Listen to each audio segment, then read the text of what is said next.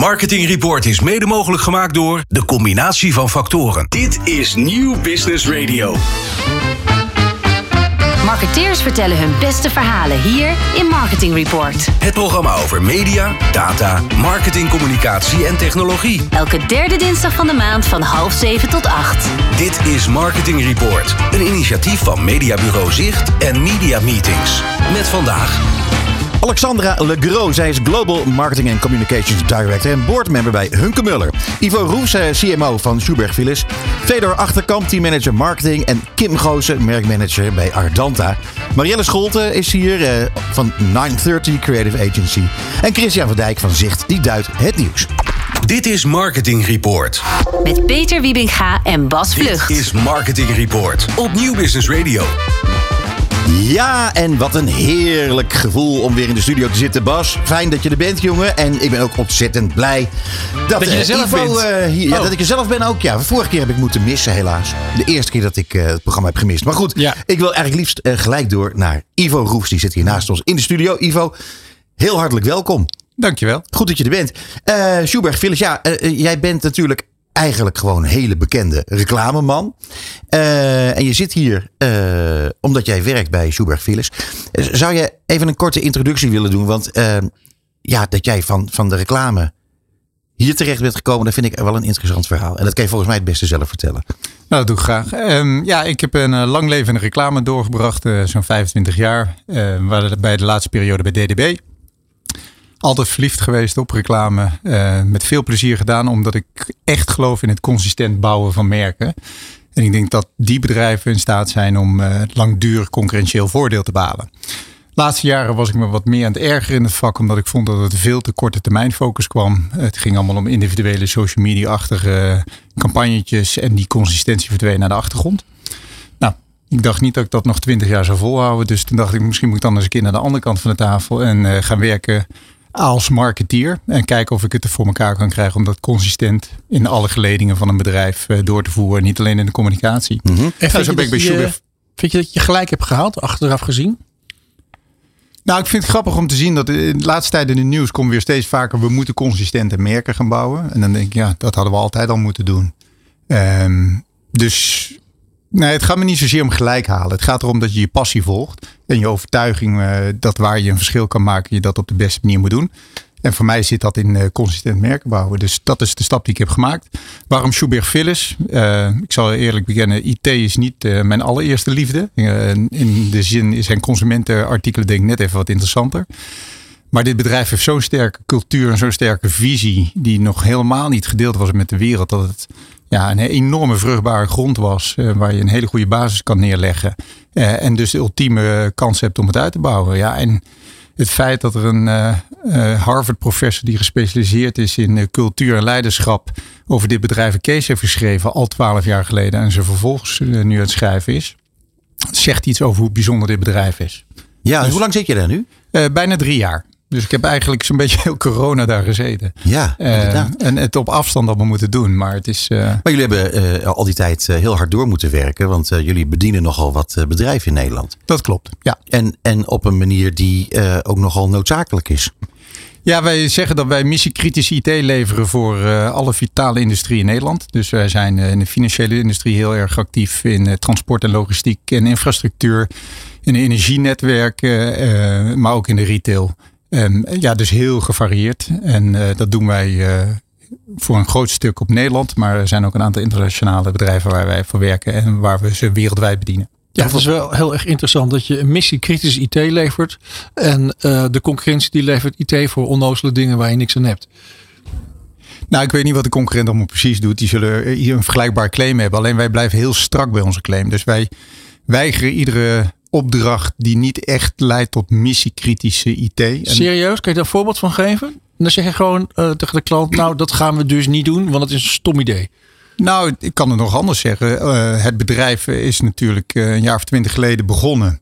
En heeft ook destijds een keer een moeilijke periode gehad. Want als je klein bent, dan is het moeilijker je bestaansrechten te blijven eh, volhouden. Zeker de business te hebben. En op een gegeven moment eh, zaten ze dicht tegen het randje van, eh, nou ja, zeg faillissement aan.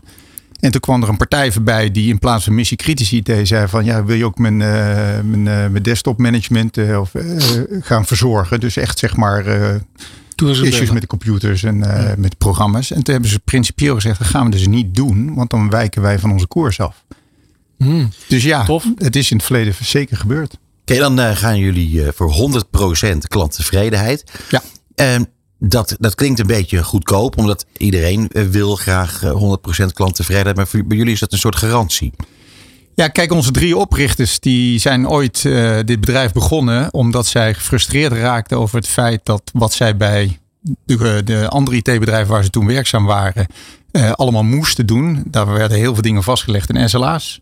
En dat waren geen eh, beloftes, maar dat waren eigenlijk beschermingsconstructies. En dat irriteerde ze. Het feit dat je volgens je SLA misschien twee uur per maand uit zou mogen liggen en dan nog steeds voldoet aan de SLA, zorgt er toch voor dat gedurende die twee uur een klant helemaal over de zeik is omdat zijn business niet opereert.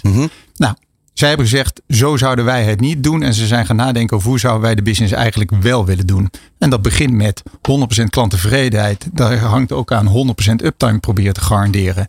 Omdat alleen dan streef je naar het maximale service die je zou willen verlenen aan je klanten.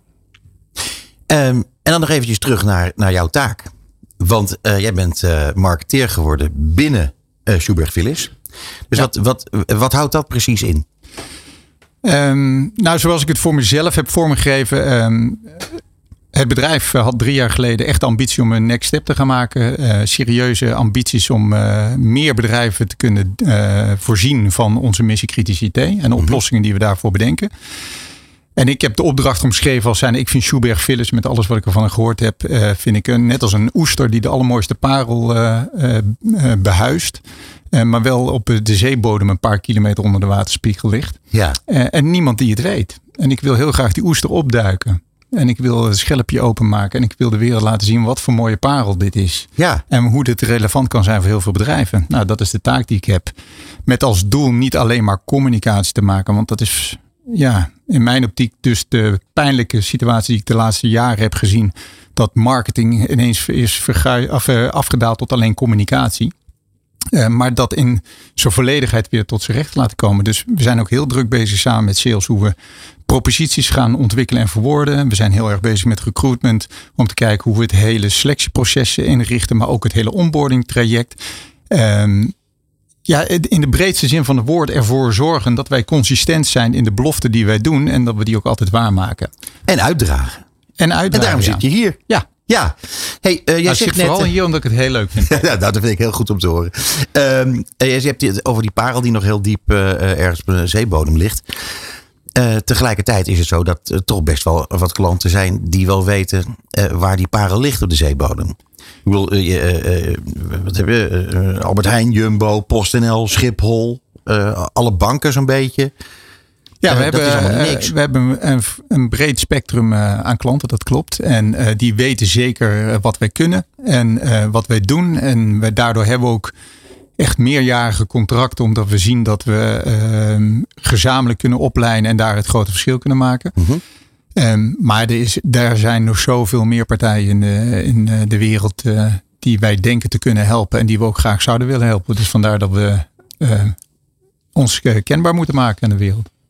Ja, ik heb even het is heel anders. Iets over de naam. Hè. Er, zijn, er komen natuurlijk heel veel brands voorbij. En zijn, eh, um, eh, als het om de namen van de brands gaat, eigenlijk twee soorten: slechte namen en goede namen. En ik vind Schubert Philips een goede naam voor een brand. Nou, dankjewel. En ehm, eh, eh, is, maakt dat wat uit als een marketeer? Dat je, dat je voor een. Ja, vooral het- omdat het, die het klinkt naam- heel chic op de een of andere Nou, manier. er zit een hele serieuze Ja. boodschap achter die naam. En dat is ook wel weer mooi. Die founders die begonnen en die wilden alleen maar voor corporates werken. Nou, en als je corporates wil aantrekken, moet je wel een bepaalde statuur uitdragen. En als je net begint met 30 man of zo, dan is dat vrij lastig.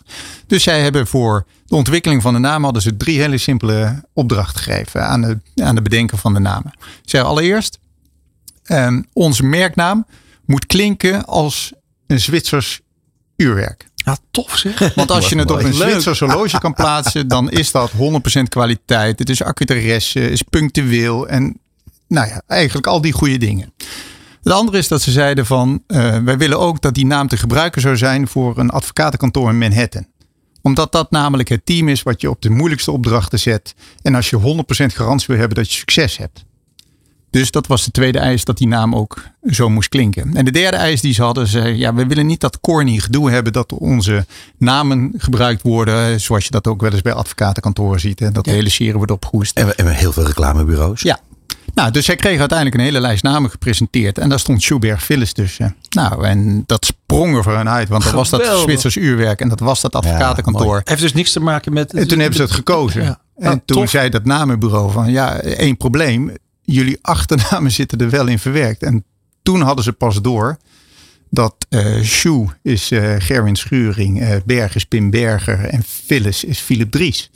Toen hebben ze reden drie maar doorgestreven. Want ze waren zo blij met de naam dat het eh, als uh, Sjoeberg Phyllis is Ja, geworden. echt een goed verhaal zeg. Tof, heel tof. Hey, Ja, en dat is, even- ons bedrijf zit vol met goede verhalen. Dat is Ja. En daarom is het zo leuk om als marketing eh, actief te kunnen zijn voor dit Maar bedrijf. eh, dan even over de IT'ers. Want eh, jullie werken op een hele andere manier dan, dan heel veel IT-bedrijven. Jullie eh, IT'ers die gaan eh, aan tafel met klanten. Ja. Dat zijn dus IT'ers die kunnen praten, zeg maar. Ja. Niet alleen maar eh, kunnen programmeren en, en, enzovoort enzovoort.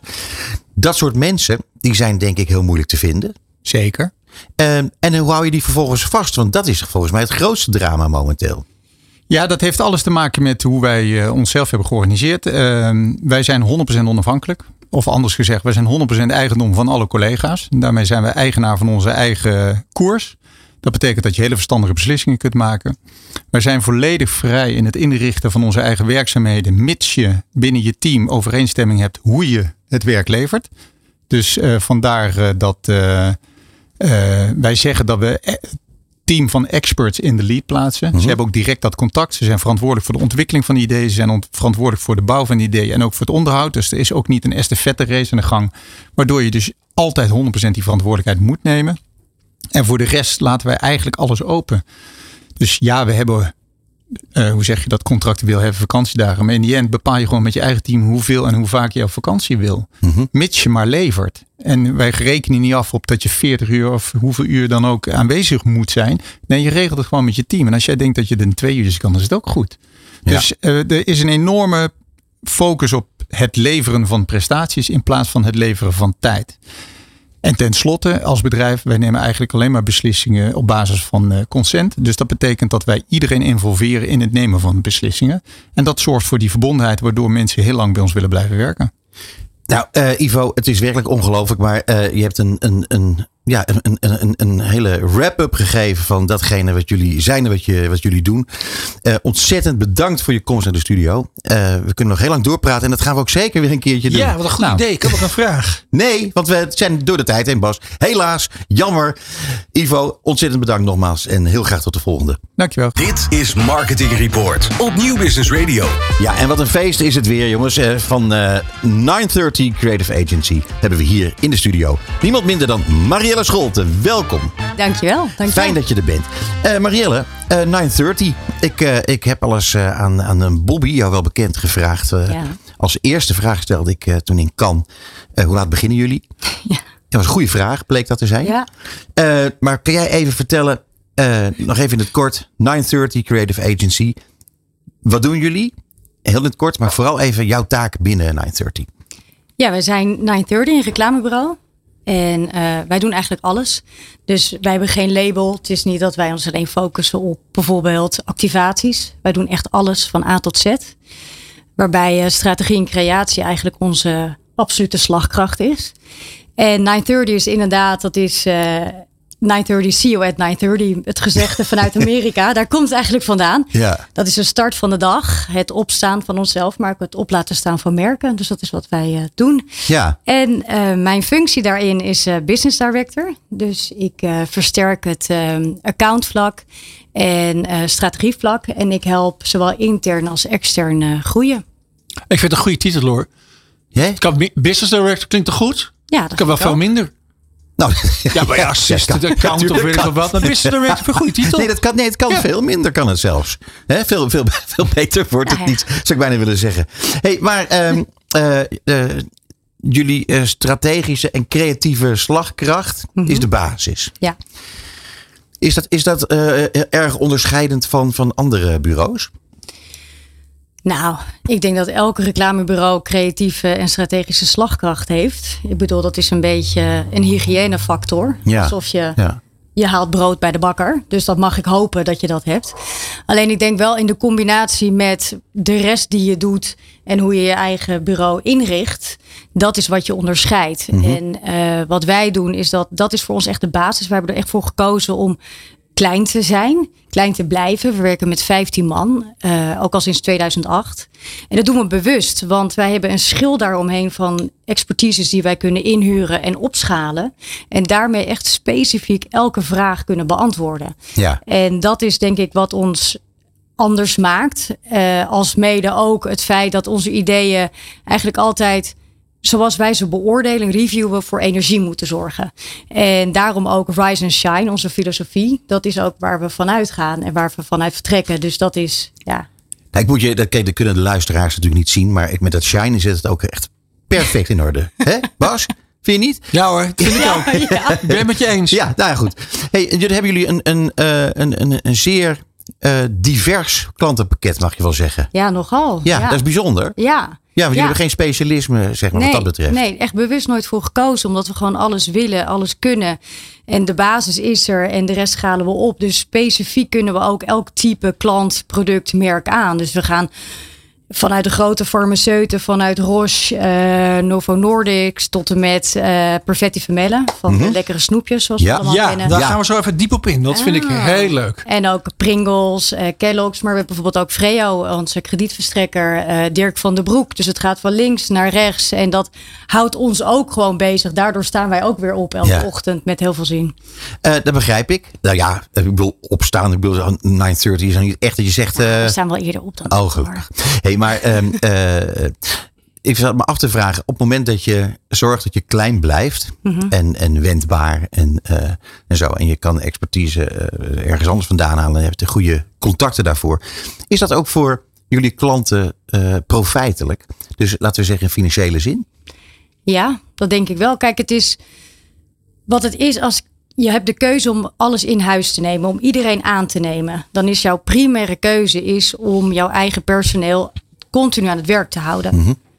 Ehm, dus je gaat ook heel erg in de richting denken en doen van de mensen en de expertise die je in huis hebt. Eh, daar hoef ik geen rekening mee te houden. Ik heb gewoon mijn grote basis, mijn big RD, die wordt bedacht eh, door de vaste kern die wij hebben. En als je bijvoorbeeld kijkt naar een Roche, die echt heel specifiek is. Dus dat is natuurlijk een farmaceut, dus het is heel technisch. Daar heb ik ook een hele technische designer voor nodig. En eh, dan heb ik de mogelijkheid om heel makkelijk en heel snel die schil, dus iemand die specifiek daartoe eh, ehm, gewerkt heeft en alle dingen kent, die kan ik inhuren. Ja. In plaats van dat ik mijn eigen team draaiende moet houden, die eigenlijk daar niet heel veel verstand van heeft. Dus dat is wel het voordeel. Ja. Hey, en ik eh, begreep dat er eh, is iets bijzonders met kajak aan de hand. Ja, Ja, ja vertel even. Ja, eerder bekend denk ik als Interim Valley voor denk velen. Het is een eh, detacheerder. En ehm dit is een pitch geweest vlak voor de zomer. Een vrij intensieve pitch. Heel goed gegaan. Super goede klik. En die hebben we gewonnen. Ja, Dus, gefeliciteerd. Ja, dankjewel. En wat, wat betekent het? Wat gaan jullie allemaal doen? Nou, we gaan heel veel doen. Er is nog heel veel in petto. Maar het gaat voornamelijk om eh, de introductiecampagne van Kayak. Zoals je al weet zijn ze veranderd van naam. Ja. Eh, maar nog veel meer. Eh, ze hebben meer gevraagd ook om andere wendbare dingen. Om te kijken wat er ook in de markt is. Hoe we daarop kunnen anticiperen. Dus we zijn heel erg in overleg met ze. Het voordeel is wel is dat iedereen heel erg blij is. Sowieso met de samenwerking ook qua personen. Want het klikt heel erg goed. En dat hebben we al goed gevierd in een strandtent. Want toen was het nog heel mooi weer. Dus zaten we lekker buiten. En welke was dat dan? Ja, volgens mij zaten ze bij Zandvoort. Ik was er zelf niet bij helaas. Nou, zie je. Ja, dat is echt jammer. Ja, zeker. Ik mocht zo'n hier klein naartoe. team. Ik mocht hier naartoe. Dat was ja, be- betere keuze. Ja, En dan gaan we het nu hebben over Perfetti Formelle. Oh ja. Ja, in mijn vorige interview had ik zo'n ontzettend goede vraag, maar die sneuvelde door de tijd. Jammer Ja. is dat, ja. Aan Bobby toen. Eh, Ja. Nee, de vorige Ja, aan Bobby. Ja, aan Bobby. Jazeker, aan. Bobby. Ja. En het, eh, ik heb het even opgezocht, maar ik was al diep onder de indruk. Kijk, als je bij eh, wel, welk tankstation ter wereld ook even naar binnen loopt, of als je dan kan je halen een, eh, een sneaker of een nuts of een eh M&M's of. Fruitella, mentos. Ja, Ja, ja, precies. Ja, ja, ik, help, ik help je alvast. ja, je, je, jij helpt mijn hele vraag om zeep. Ja, bedankt. Wij Ja. zouden jou roosteren, weet je nog? Nou goed. Hey, eh, dus, eh, maar dus inderdaad, eh, over de hele wereld ligt dus ook inderdaad ehm ehm Mentos en Fruitella. En ik zie hier het portfolio. Ze hebben ook kleine drops mint. Chupa Chup. Wist ik helemaal Ja, niet. ja. En ehm, dat is toch geweldig. Wat me vooral heel Ik dacht leuk dat Chupa lijkt. Chup heette, dacht ik. Nee, tjoep. Nee. Chupa? Chup? Chupa Chup? Nee, Chupa Ja, goed. Chupa Chup, toch? Zal ik mijn vraag stellen? Oh ja, doe maar ja. Ja. Maar het leuke van Mentos is natuurlijk, dat is ook een heel innovatief merk. Je hebt die kauwgom, maar nu al die verschillende smaken. Ook Mentos met chocoladesmaak. Wij, wij, wij, bij ons in de auto testen we dat allemaal. Hè. Dat waren we niet helemaal enthousiast over. Maar andere uh, drop Mentos is natuurlijk fantastisch. Maar ik vind het merk in zijn eh, aanwezigheid eh, in de, uh, gewoon alom vertegenwoordigd. Maar gewoon in de B2B heel bescheiden, zeg maar. Uit Breda. En ehm, nou, verder zou ik er eigenlijk niet zoveel over weten te vertellen. Wat voor klant is het om voor te werken? Het lijkt mij geweldig. Ja, is het ook. Is het ook. Ik, ik weet niet zo goed wat je bedoelt met de B2B, dat het heel bescheiden is. Nou ja, gewoon als. ja, weet je, sommige marketeers komen overal tegen. Overal tegen. En we, we zouden het best heel leuk vinden om een marketeer voor Mentos een keertje in ons uitzending te Ja, hebben. dat- bijvoorbeeld. dat Ja, daar gaan we het niet over hebben. Kom op. Maar dat gaan we regelen. Nee, hartstikke goed. Maar vertel eens, eh, eh, vertel eens hoe, hoe is het werken voor zo'n klant die ook zoveel brands heeft, waar ook zoveel dynamiek in zit? Ja, nee, dat is, heel erg, dat is heel erg mooi. Want zoals je zegt, er zit heel veel dynamiek in. En dan merk je ook, je hebt natuurlijk verschillende mensen. Voor de verschillende submerken heb je natuurlijk werken. Ehm, uiteindelijk komt natuurlijk alles wel naar boven toe. Dus het moet ook ergens samenkomen. Dus het moet wel differentiëren van elkaar, de merken. Dus je kan niet wat je bedenkt voor Mentos of Fruitella andersom eh, uit, uitoefenen. En ehm, daar zijn we natuurlijk enorm mee bezig. En dat is voor ons ook een enorme uitdaging. Want je hebt met en heel veel contactpersonen en heel veel USP's en een bepaalde specifieke merken. En hoe zet je die dan in de markt? En hoe zorg je ervoor dat jij uniek blijft en dat jij gekozen wordt in dat schap? Ja, en dat maakt het heel dynamisch. En het mooie is, denk ik wel, is dat eh Perfette Familie ook de langste klant is, langst bestaande klant is ook van eh 930. Eh, sinds het begin, sinds 2008. Ja, dat, eh, ik zou die ook eh, echt bestaan. vasthouden, zo'n klant. Absoluut. Ja, Alleen al vanwege de Droptella bijvoorbeeld. Ja. Ja, alleen al. Ja, Ja. heerlijk. Maar eh, mag ik nog eventjes terug, want ik, ik vind het allemaal heel leuk, die snoepjes en zo. Maar waar, wat, ik, wat ik graag even van je wil weten, is dat eh, eh, over eh, marketing, de voorzichtigheid in de branche die ontstaat doordat er al of niet een crisis aan zit te komen. Eigenlijk gaat het economisch natuurlijk hartstikke goed. Maar goed, hoe dan ook. Zo'n recessie waar mensen bang voor zijn, dat heeft zijn effect op de investeringen van klanten. Ja. Hoe, hoe werken jullie daar? Wat, wat doe je daarmee als eh 930? Ja, kijk, het valt natuurlijk niet te ontkennen. Hè. Dat, eh, bedoel, het laatste eh, nieuws wat ook naar buiten is gekomen... is dat de ster bijvoorbeeld met eh, de media-inkopen... gemiddeld 24% omhoog is gegaan. Lekker veel. Enorm. Ja. En het valt natuurlijk niet te ontkennen dat het, mensen zijn bang. Vooral natuurlijk in de, in, op, op dit moment. Grondstofprijzen schieten, schi- schieten de pan uit. Ehm, eh, recessie, inflatie, nou, noem het maar op. En wat er dan heel snel natuurlijk wordt gegrepen is... nou oké, we gaan... hand op de knip doen wat betreft marketing. En dat vind ik Ja. altijd heel erg jammer. En dat is denk ik altijd wel de dynamiek die er speelt tussen adverteerders en tussen bureaus. Van doe dat nou alsjeblieft niet, want juist nu moet je het verschil maken. En dan snap ik ook dat je niet met dezelfde middelen op exact dezelfde stijl weer verder kan gaan. Want dat kost nu veel meer geld dan dat het deed. En dat is ook niet realistisch met alles wat er speelt. Alleen ik denk wel dat nu het moment is om juist veel slimmer na te gaan denken. Er zijn veel meer mogelijkheden. En eigenlijk aanhakend wat je in het begin zei. Wat ik nu wel om me heen hoor, is dat veel adverteerders bijvoorbeeld ook zeggen: joh, laten we even kijken wat we voorgaande jaren hebben gemaakt. Kunnen we nog iets opnieuw inzetten? Ja. Ehm, hopende dat het in één keer een ander effect gaat hebben. Of een beter effect, terwijl dat het landschap al is veranderd. Of dat er heel erg naar de korte termijn wordt gekeken. Dus dat eh adverteerders zeggen, nou laten we maar een aanbieding doen. Of een actie. Dan heb ik in ieder geval mijn euro direct teruggespeeld gekregen. Ja. En dan zit ik safe. In plaats van dat er naar de lange termijn wordt gekeken. En juist dat element van het lange termijn. Dus je merk likability, je merk awareness, je herkenning. Ja, daar moet je aan blijven draaien. En ik denk dat het op veel slimmere manieren kan. Dan dat we het nu aan het doen zijn. Ik denk dat je gelijk hebt. Ja. En eh, sterker nog, ik denk ook dat, eh, even buiten het feit dat het gewoon eh, strategisch niet zo handig is, is het, hebben dit soort ideeën leveren ook een geringe besparing op, denk Ja. ik uiteindelijk. Ja, ja.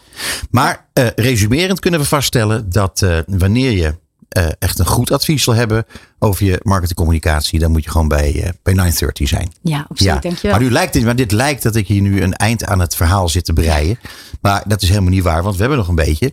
Eh, als je nou kijkt naar eh, eh, de komende jaren voor 930. Hebben jullie dan eh, specifieke plannen? Of zeg je van nou, we doen dit al zo lang. Wij gaan gewoon lekker door zoals we nu werken. Nee, we hebben wel bewust voor, eh, voor versterking en verzwaring op, eh, op strategisch en accountvlak gekozen.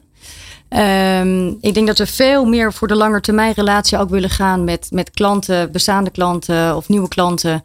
En veel meer met elkaar willen gaan werken en veel meer on the ball willen zijn in de vorm van wat speelt er op de markt. Dat we veel meer een sparringspartner gaan zijn. En in plaats van wat je in het begin had, dat je één specifiek persoon had werken die de social media de gaten hield om te kijken wat speelt er nu. Wil ik dat nu iedereen die in een bedrijf werkt, daarna gaat kijken. Ja. En daar zijn we nu ook echt mee bezig, want iedereen werkt in de reclame. Iedereen wordt getriggerd door iets. En dat is relevant. Dat kan relevant zijn Ja. voor, voor alle klanten, voor alles en voor iedereen. En dat willen we graag gebruiken. Nou, het is fantastisch. Eh, ik denk dat eh, als mensen dit allemaal horen, dan gaan ze gelijk bellen met 930. Dames en heren, ze zijn morgenochtend weer geopend vanaf half tien.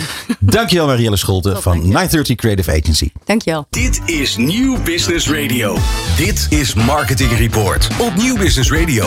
Ja, en het is weer een groot genoegen, want dames en heren, Christian van Dijk is hier aangeschoven van Zicht. En hij gaat het nieuws duiden. Christian, wat fijn dat je er bent. Ja.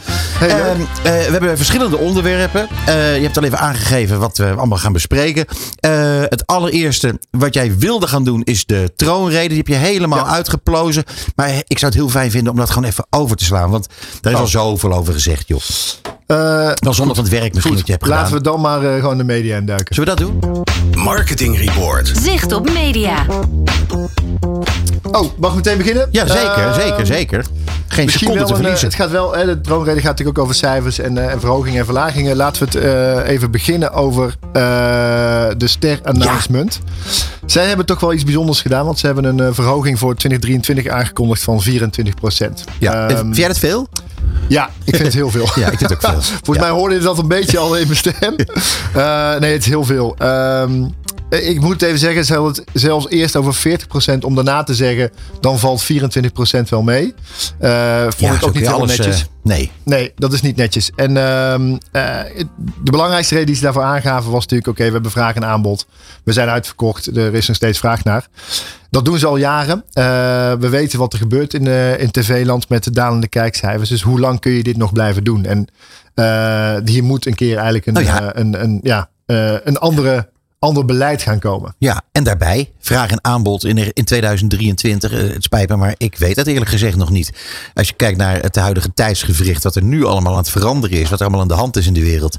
Als er minder geïnvesteerd gaat worden, we hadden het er eh, in de uitzending al even eerder over, eh, dat sommige partijen aanleiding zien in een recessie om minder te gaan investeren, bijvoorbeeld in je marketing. Ja, zeker. Hoe zit denk dat dat hier twee, twee zaken spelen. Kijk, Ster heeft ook een rol voor, voor met name het MKB. Mhm. Eh, precies wat jij zegt, wat er nu gebeurt in de wereld, daar eh, zie je dat daar ook echt wel klappen gaan komen. En die hebben het eigenlijk zwaarder. Dus de grote multinationals hebben hier wat minder moeite mee dan eigenlijk het MKB. Terwijl Ster wel die rol heeft. Weet je, het is daar echt wel belangrijk voor. Ehm, ik vind ook wel dat vanuit Ster eh, had, was een gematigd beleid wel netjes geweest in deze tijden. Eh, Ja. en dan is een 24% moeilijk te nou ja, verantwoorden. Eh, ik vond de verantwoording vanuit Ster dun. Eh, maar met name het gevoel. Het, je, het lijkt wel niet te kloppen, zeg maar. En wat heeft dit dan verder voor gevolgen? Ehm, ja, dat is de vraag. Dus eh, we weten nog niet hoe adverteerders hierop gaan reageren. Ik denk wel dat er voor een adverteerder moet je gaan kijken van kan ik met mijn gelijkblijvend budget of zelfs budget wat minder wordt nog steeds op tv adverteren met deze prijsverhogingen?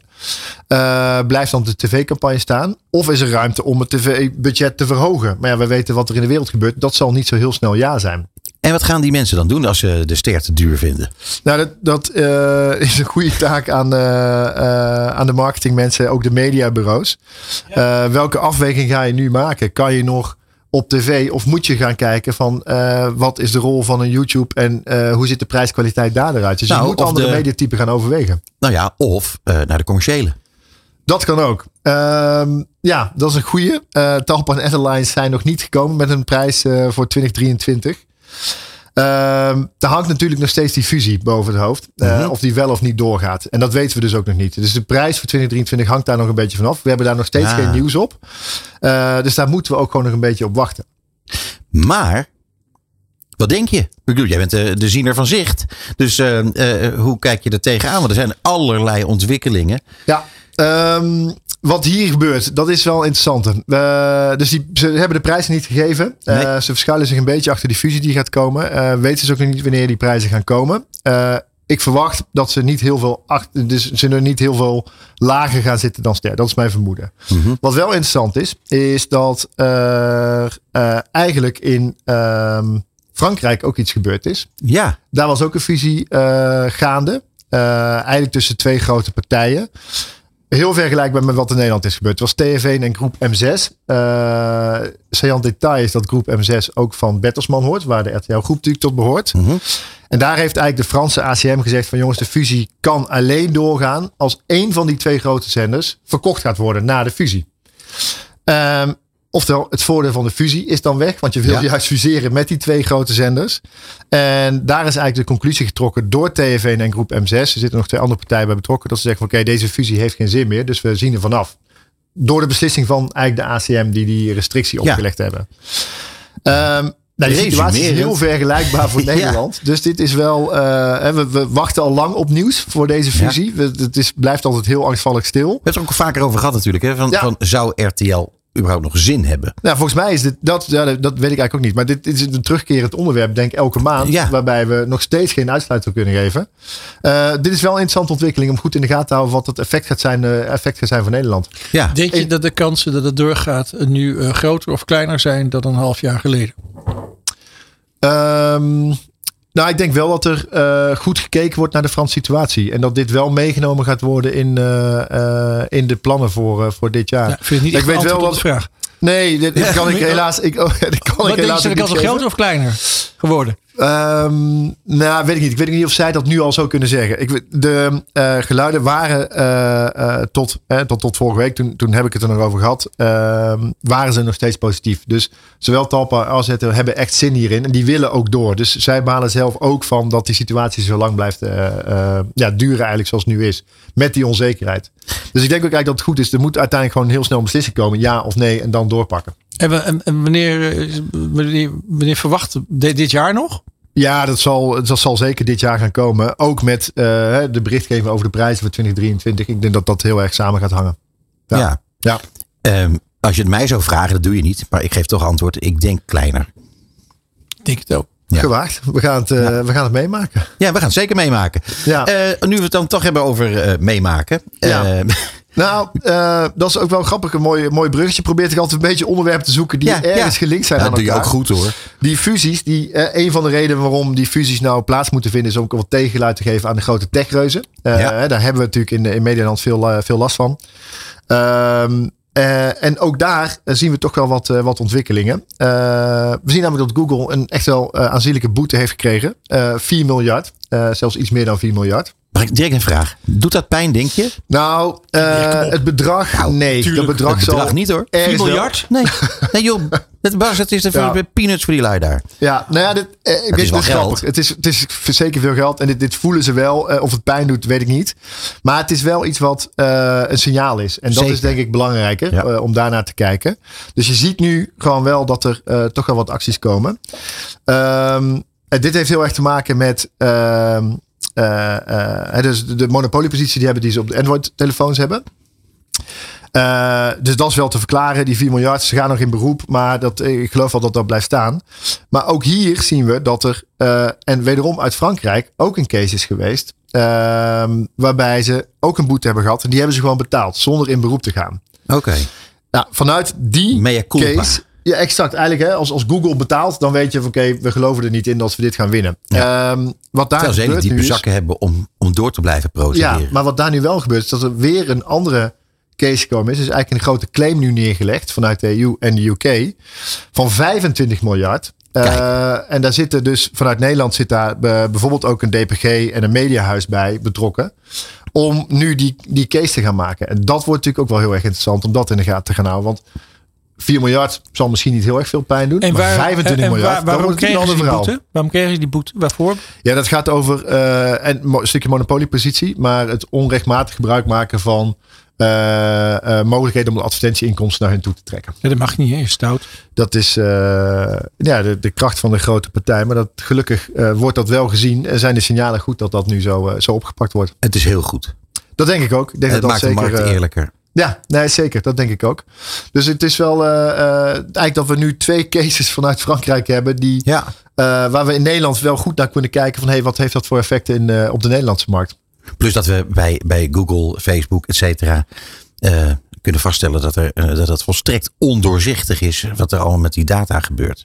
Ja, Ja. klopt. Ja, dus dat, dat zijn toch allemaal dingen die allemaal aan de orde gaan komen, vroeger of later. Ja, precies. Dit gaat niet over een case van of die boete nou wel of niet betaald gaat worden. Dit gaat ook okay, hoe ga je daarna verder het landschap Precies. inrichten. Precies. En wat, wat zijn die mogelijkheden en, eh, en hoe ga je daarmee om? Ja. Nou ja, eh, je zei het al. eh, wij hebben het Talpa en RTL-verhaal is een maandelijks terugkerend fenomeen. En dat geldt eigenlijk ook voor, voor de grote voor die techreuzen. Die komen veel aan de orde. Wat nieuw is, ik vond het heel erg leuk. Eh, gemeente Haarlem. Ja, ja dat is Weer een jullie, eh, primeur. jullie hometown is dat Ja, hè? zeker weten. Ja, ja, ja. Ja. Je woont toch ook in Haarlem, of niet? Eh, binnenkort. Dus ik ga binnenkort verhuizen. Maar dat, de, de exacte Verstandig, datum hoor. is er niet bekend. Maar ik ga die kant op. ja slim. Ja, toch? Maar goed, wat wel jammer is voor jou, dat als jij eh, op zoek bent naar een heerlijk eh, eh, eh, worst of een stukje, stukje weet ik veel, gyros en nou ja, al, alles wat met heerlijke vleesgerechten te maken heeft. Ja, die, daar wordt de keuze niet gemakkelijker eh, in Haarlem, omdat eh, er komt een verbod op vleesreclame. Ja. Ja. ik ja, en niet het, alleen eh, dat, hè? Ook een verbod op reclame voor eh, vliegen. En ehm, wat was het andere nog? Eh, maar? muggen. Oh nee, Nee. muggen juist niet. Want, want nee, de Haarlemmers zijn niet bij muggen. de zee? Ja, dat klopt. Dat Ja, weet ik. ja. Ja, nee, dat is interessant. Kijk, wat, wat eh, er zitten eigenlijk twee dingen. Dat ehm, eh, een verbod op een bepaalde boodschap, daar eh, kan je mening over hebben. Daar kun je heel erg veel over discussiëren. Een verbod op goedkope vliegtickets. Maar wanneer is een vliegticket dan niet meer Ja. goedkoop en zou het wel weer mogen? Dat maakt het natuurlijk heel erg lastig. Ehm, ik denk goed, is, het is goed dat daarnaar gekeken wordt en, en we moeten daar stappen in maken. Maar ik denk dat het belangrijke aspect hierbij is dat er een lokale overheid, in dit geval gemeente Haarlem, regels gaat toepassen. eh, die afwijken van andere gemeenten. Ja. En hè, dan vertaal ik het heel even naar, eh, naar, naar mijn vak, het stuk van mediaplanning. Als elke gemeente andere regels gaat eh, hanteren en implementeren. Ja, dan weet je op een gegeven moment niet meer waar je aan toe gaat zijn. En eh, dus daar zit volgens mij eigenlijk de, ehm, ja, de crux. Dit, dit is niet handig om het zo op te pakken. Nee. Dus je kan het eens zijn met van oké, ik vind het niet goed dat vlees op de out of home reclame komt. Ehm, dat is een hele andere discussie. Maar het feit dat de lokale overheden zo eh, direct een regel gaan eh, implementeren, dat maakt het gewoon heel erg moeilijk. Ja. ja, sterker nog, ik denk dat het niet eens mag. Maar het is toch ook het is toch een, een hele rare toestand. hè? Het gaat dus ook om ehm, vervoersmiddelen die gebruik maken van fossiele- brandstoffen. Mag ook niet. Ja, ik kan me ook voorstellen dat je zegt, je mag ook geen reclame maken voor films waar, waar overwegend blanke mensen in spelen, bijvoorbeeld. Nou, Ja, Bas, dat je, dus- spijker op kop. Je merkt het al. het- Deze discussie eind- kun je echt heel ver tot in eeuwigheid. Ja. Ja. Maar er zijn natuurlijk meer gemeentes die al, al andere regels hebben. Eh, maar ik denk vanuit mediavak is het wel handig om, om te kijken van oké, wat zijn nou regels waar je echt aan moet houden, zodat die planning in ieder geval nog gewoon goed eh, gedaan kan worden. Weet je, Christian, wat ik eigenlijk eh, heb eh, gehoopt al die tijd. Toen we dit, dit eh, in het hele land enorm groot nieuws was. Dat ik van, ik hoop dat dit een eh, city marketing stunt is van gemeente Haarlem. Want als dat zo is, dan hebben ze dat echt supergoed bedacht. Ja, dan, dan zou het echt top zijn. Ja, hè? Ja. Ja. Maar het is niet rond 1 april, dus het is ook geen 1 april grap. Nee, maar goed, dat doet er ook niet zo heel erg veel toe. nee. Je bedenkt iets, je zegt dit is wat wij graag zouden willen. Mag niet, kan niet, maar we willen het wel en het is nieuws. Ja. Nou, en eh, want weet ik, het, het positieve dan, eh, eh, ik denk om daarmee af te sluiten. Er zijn ook leuke inhakers, want er was al meteen een hele leuke inhaker van een vegetarische eh, worst in dit geval. Ja. Eh, of van bacon, geloof ik. Die mocht Fitzroy, natuurlijk wel gewoon. zeg ik uit mijn hoofd. Wie? Van bureau Fitzroy. Van Oh, dat zou kunnen. dat zou kunnen, dat weet ik niet. Ja. Maar ik vond die inhaker heel snel en heel goed uitgevoerd. Ja. En dat, het, het zorgt dus ook voor creativiteit. En dat moeten we zeker stimuleren. Christian, het was weer fenomenaal, jongen. Je hebt het goed gedaan. Dankjewel. Heel veel dank Ik voor eh, het, deze eh, prachtige onderwerpen. Wederom erg leuk. Ja, en wij eh, zien we jou volgende maand weer hier? Nee, volgende maand is eh, mijn collega Rogier. weer Ook hier. leuk. En Ook daarna leuk. ben ik... eh, nou, ja, dat belooft zeker een mooie uitzending te worden, weet ik. ja, serieus? Ja, Ja, te gek. ja. Hey, nogmaals, enorm bedankt en, en dan tot over twee maanden. Helemaal goed. Super. Dit is Marketing Report op Nieuw Business Radio. Ja, en het, eh, het blijft een hele feestelijke uitzending, dames en heren. Want eh, wij hebben hier te gast van Ardanta, Fedor Achterkamp en Kim Goosen. Welkom in de studio. Hey, dankjewel. Weet je wat nou zo leuk is? Ik, ik probeer er altijd zo min mogelijk over te hebben over de voorbespreking. Maar we hebben elkaar gesproken eh, in een Zoom-meeting. En jongens, het was dat gezellig. Dat was heel leuk. Dat was leuk, hè? Ja. Ja, en nu is het, eh, de kunst eigenlijk om het vandaag nog leuker eh, te, te maken, dit gesprek. En, En dan nog zeker. En ja, nog, Je legt de lat wel hoog. Maar ja, maar ja, weet je, het Ja. moet, het moet. Ja. We zitten hier natuurlijk wel voor onze luisteraars. Precies. Eh, en daarom ben ik extra blij dat jullie er zijn. Jongens, Ardanta, eh, dat, dat doet niet gelijk denken aan eh, feestelijkheden en dat soort zaken. Maar jullie kijken wel altijd heel vrolijk. Eh, dat heb ik zelf nu een paar keer gezien. Eh, kunnen jullie misschien even Ardanta introduceren? Want daar zitten wel leuke dingen aan, vind ik. Eh, en unieke dingen. En ook nog even jezelf. Goed? Goed, begin jij? Ja, goed. Oké. Eh, ja, nee, Ardanta. eh, Ardanta is een label van, eh, van ASR. ASR is een van de grootste verzekeraars van, van Nederland, zoals jullie zullen weten. En ehm, ja, wij zijn het enige label dat uitvaartverzekeringen eigenlijk doet. Ehm, eh, namens ASR dus. We zitten in Enschede. hebben met een hartstikke leuke club, club mensen. We, zitten, we zijn onderdeel van een team van, van tien marketeers. En die hebben allemaal hun eigen specialisme. En eh, samen met hen proberen we ja, de 4 miljoen klanten die we zo'n beetje hebben, proberen we. eh, ja, Hoeveel? 4, 4 miljoen. Veel? Ja, best veel. Klopt. Dus eh, ja, die proberen we tevreden te houden. Ja, je gaat allemaal een keer dood. Nou ja, iedereen, ja, Alle 4 miljoen. Nee, maar dat, dat, is het, dat is toch ook het goede van, van het concept. Van dit, het is een goede handel. Het is gewoon een betreft. loterij zonder niet altijd prijs.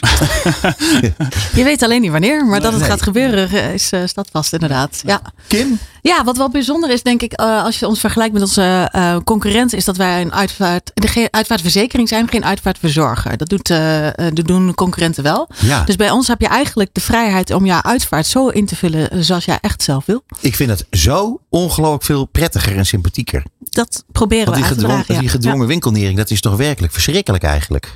Eigenlijk wel, ja. Ja, Het, het maakt het af en toe een shady business. eh, en dat, eh, dat is wel lastig. Ja. Eh, het mooie is wel, wij hebben ook uitvaartcoaches. Dus je, je kan bij ons ook alle hulp krijgen die je wil.